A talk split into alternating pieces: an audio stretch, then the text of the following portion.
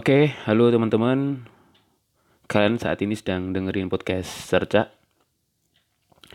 Podcast by Rian Firmansyah yang kemarin di episode pertama kita sempat bahas tentang uh, kesalahan-kesalahan kecil. Uh, tapi lebih tepatnya bukan membahas ya, lebih uh, saya juga mengajukan sebuah kebingungan atau ketidakpahaman saya tentang arti atau makna dari salah satu pesan di surat An-Najm itu gitu. Nah, pada podcast kedua ini, di episode kedua ini aku ingin bahas soal ini sih sepemahamanku tentang uh, daya beli. Mungkin nanti random, tapi ini aku ingin nyampaikan sesuatu yang uh, dari perspektifku ya. Uh, kebetulan selama ini aku bekerja di sektor NGO ya. NGO itu non government organization. Ya kalau di tempat kita bisa disebut sebagai LSM gitu. Tapi di sini LSM ini uh, pendonornya dari internasional gitu. Ya jangan dipikir saya juga pengkhianat negara ya ya ini kan pekerjaan aja. Tapi membawa saya pada uh, sebuah pemahaman baru tentang uh, apa yang terjadi di masyarakat gitu. Kalau selama ini yang uh, saya pahami dan mungkin yang menjadi narasi umum uh, menjadi sebuah standar gitu standar tentang kemajuan atau tidak majunya sebuah masyarakat ya di terutama di daerah rural atau subrural di desa sampai dusun gitu Uh, itu suatu daerah diukur kalau daerah itu tidak maju, tidak uh, apa ya, tidak uh, tidak sejahtera karena daya belinya rendah gitu. Nah, di, di dari sudut ekonomi ya, kita fokusnya ke sudut ekonomi gitu. Daya beli rendah gitu. Jadi ini yang selalu menjadi narasi utama bahwa uh, kenapa daerah itu tidak maju karena uh, daya beli di satu daerah tersebut rendah gitu. Ya uh, selama ini kan saya, saya sempat juga uh, datang ke beberapa daerah ya seperti di daerah Blitar, daerah uh, Trenggalek gitu di Jawa Timur ya. Kemudian juga ada di Pulau Modern di Sampang gitu, di Pamekasan gitu. Uh, dan sampai ke Jayapura juga gitu. Nah, dari uh, pengalaman saya ini yang menjadi menarik adalah uh, kita sepertinya kita ya kita artinya di sini adalah para para uh, researcher atau mereka yang melakukan riset ya. Ataupun mereka menjadi uh, apa ya social worker ya. Uh, itu kurang mendalami tentang uh, narasi tersebut gitu. Artinya uh, yang selama ini saya coba uh, apa lihat secara mendalam dan bahkan saya melihat dari dekat sekali. Karena kebetulan uh, mertua dan juga istri saya dari uh, daerah yang diklaim sebagai daerah yang uh, memiliki daya beli rendah dan otomatis uh, daerah ini uh, tidak maju secara ekonomi gitu. Karena uh, daya konsumsi daya beli itu selalu menjadi uh, sebuah indikator utama bahwa masyarakat di suatu daerah tersebut maju gitu. Kalau daya belinya tinggi, uh, daya konsumsinya tinggi itu konsumtif. Semakin konsumtif semakin uh, mengindikasikan bahwa sejahtera gitu. Uh, tapi di sini ada kejanggalan antara antara yang saya pahami tentang uh, konsep ketahanan pangan gitu. Selama saya uh, apa menikah dan punya mertua di daerah tersebut di Trenggalek ya uh, ini tidak bisa di, di secara, secara menyeluruh Trenggalek tetapi uh, saya ngambil satu case di daerah di satu kecamatannya Pekarangan dan di dusun uh, desa desa ya desa Salamrejo gitu. Uh, ya saya tahu bahwa uh, yang menjadi daya beli di sana memang rendah jadi nggak ada orang-orang uh, berjualan yang semasif artinya uh, jual nasi goreng, jual uh, minum-minuman yang sekarang lagi mungkin tentang apa ya minuman uh, tibrik atau minuman nggak apa ya saya sebut merek atau boba atau uh, apa coklat-coklat gitu itu itu nggak ada gitu.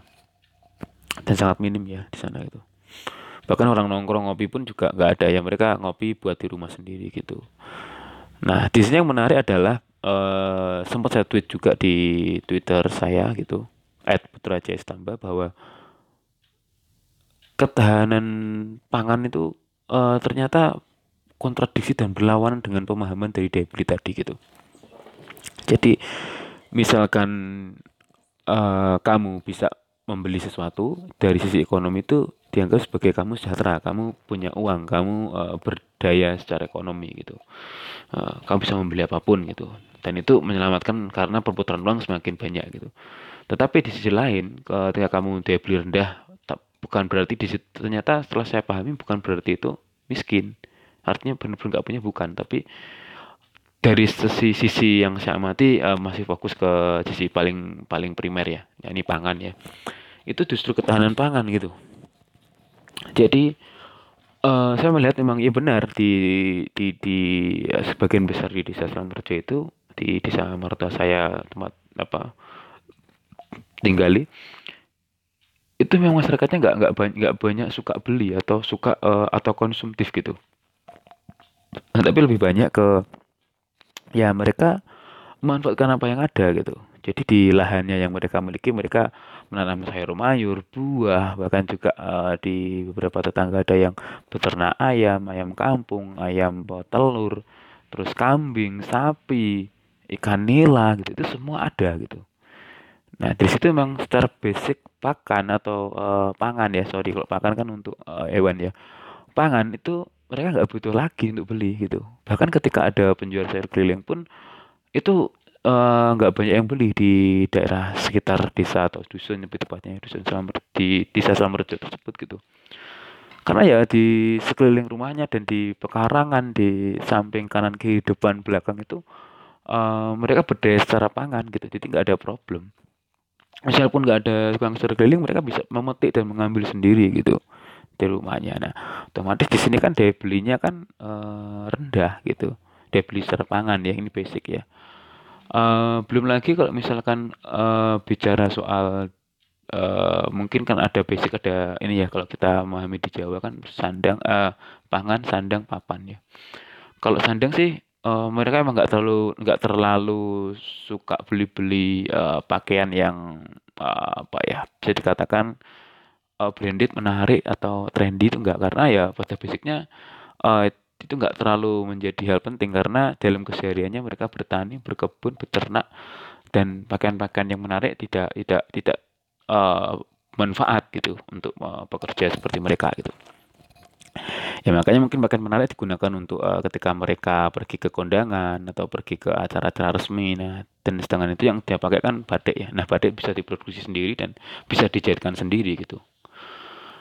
Uh, kemudian kalau soal itu tadi sandang, kalau soal papan, papan pun di sana uh, yang saya lihat itu ketika orang membuat rumah, membuat kolam itu ya bergotong royong gitu. Artinya gotong royong bukan menjadi sebuah sebuah narasi narasi yang gede itu enggak ya mereka melakukan tanpa sadar.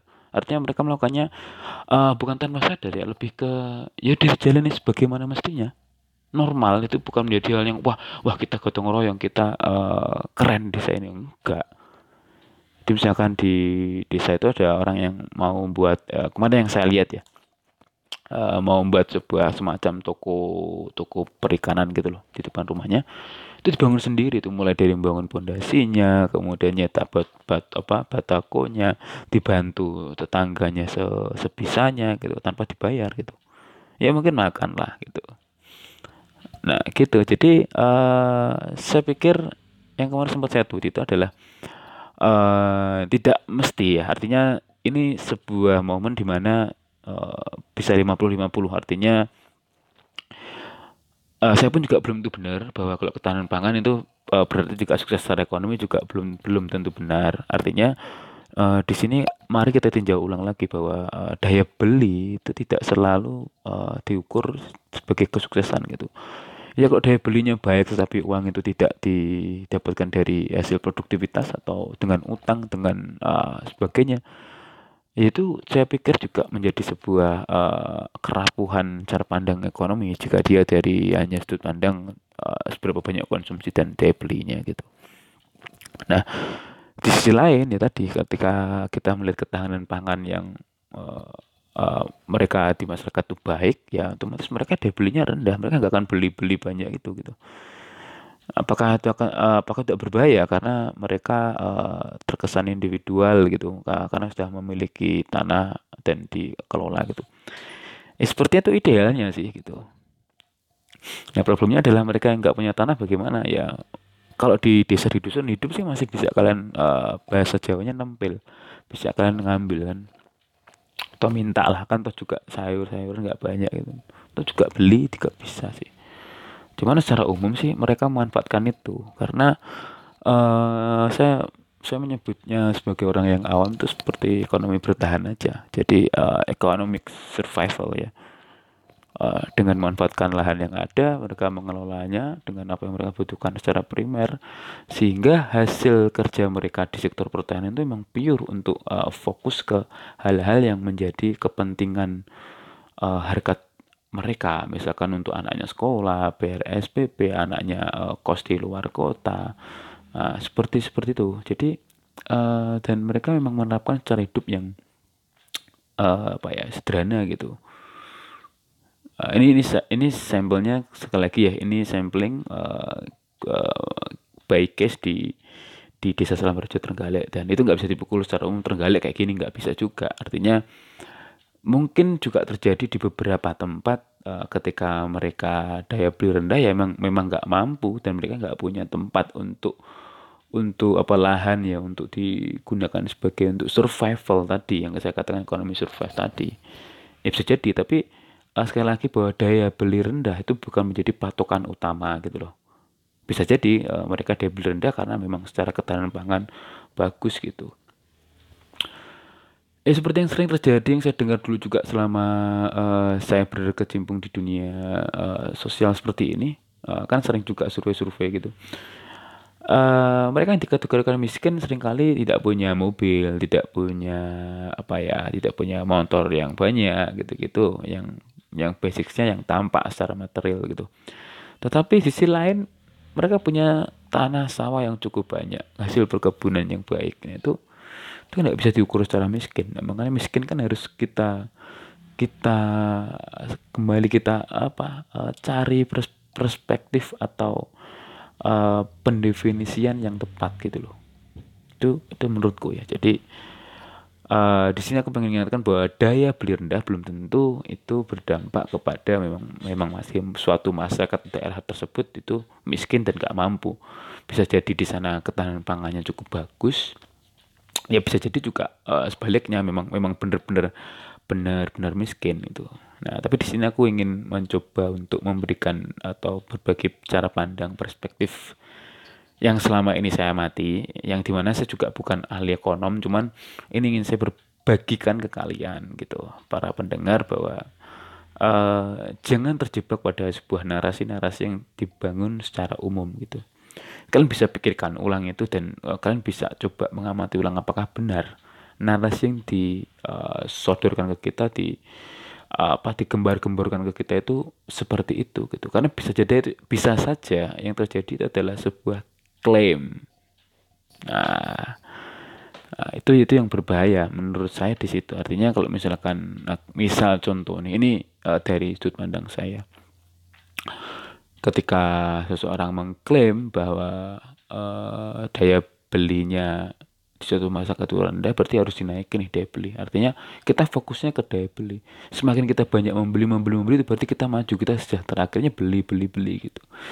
Nah padahal beli beli itu kan spirit yang dibangun memang cukup cukup kuat uh, bagi kelompok-kelompok uh, kapitalis itu ya memang harus beli beli gitu gitu jadi uh, seolah memang memang memang lebih simpel. Nah dan naluri manusia memang diarahkan ke sana.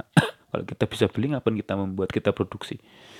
Tapi kita perlu ingat bahwa uh, itu ada dampak tidak baiknya kalau kamu terus melakukan seperti itu gitu.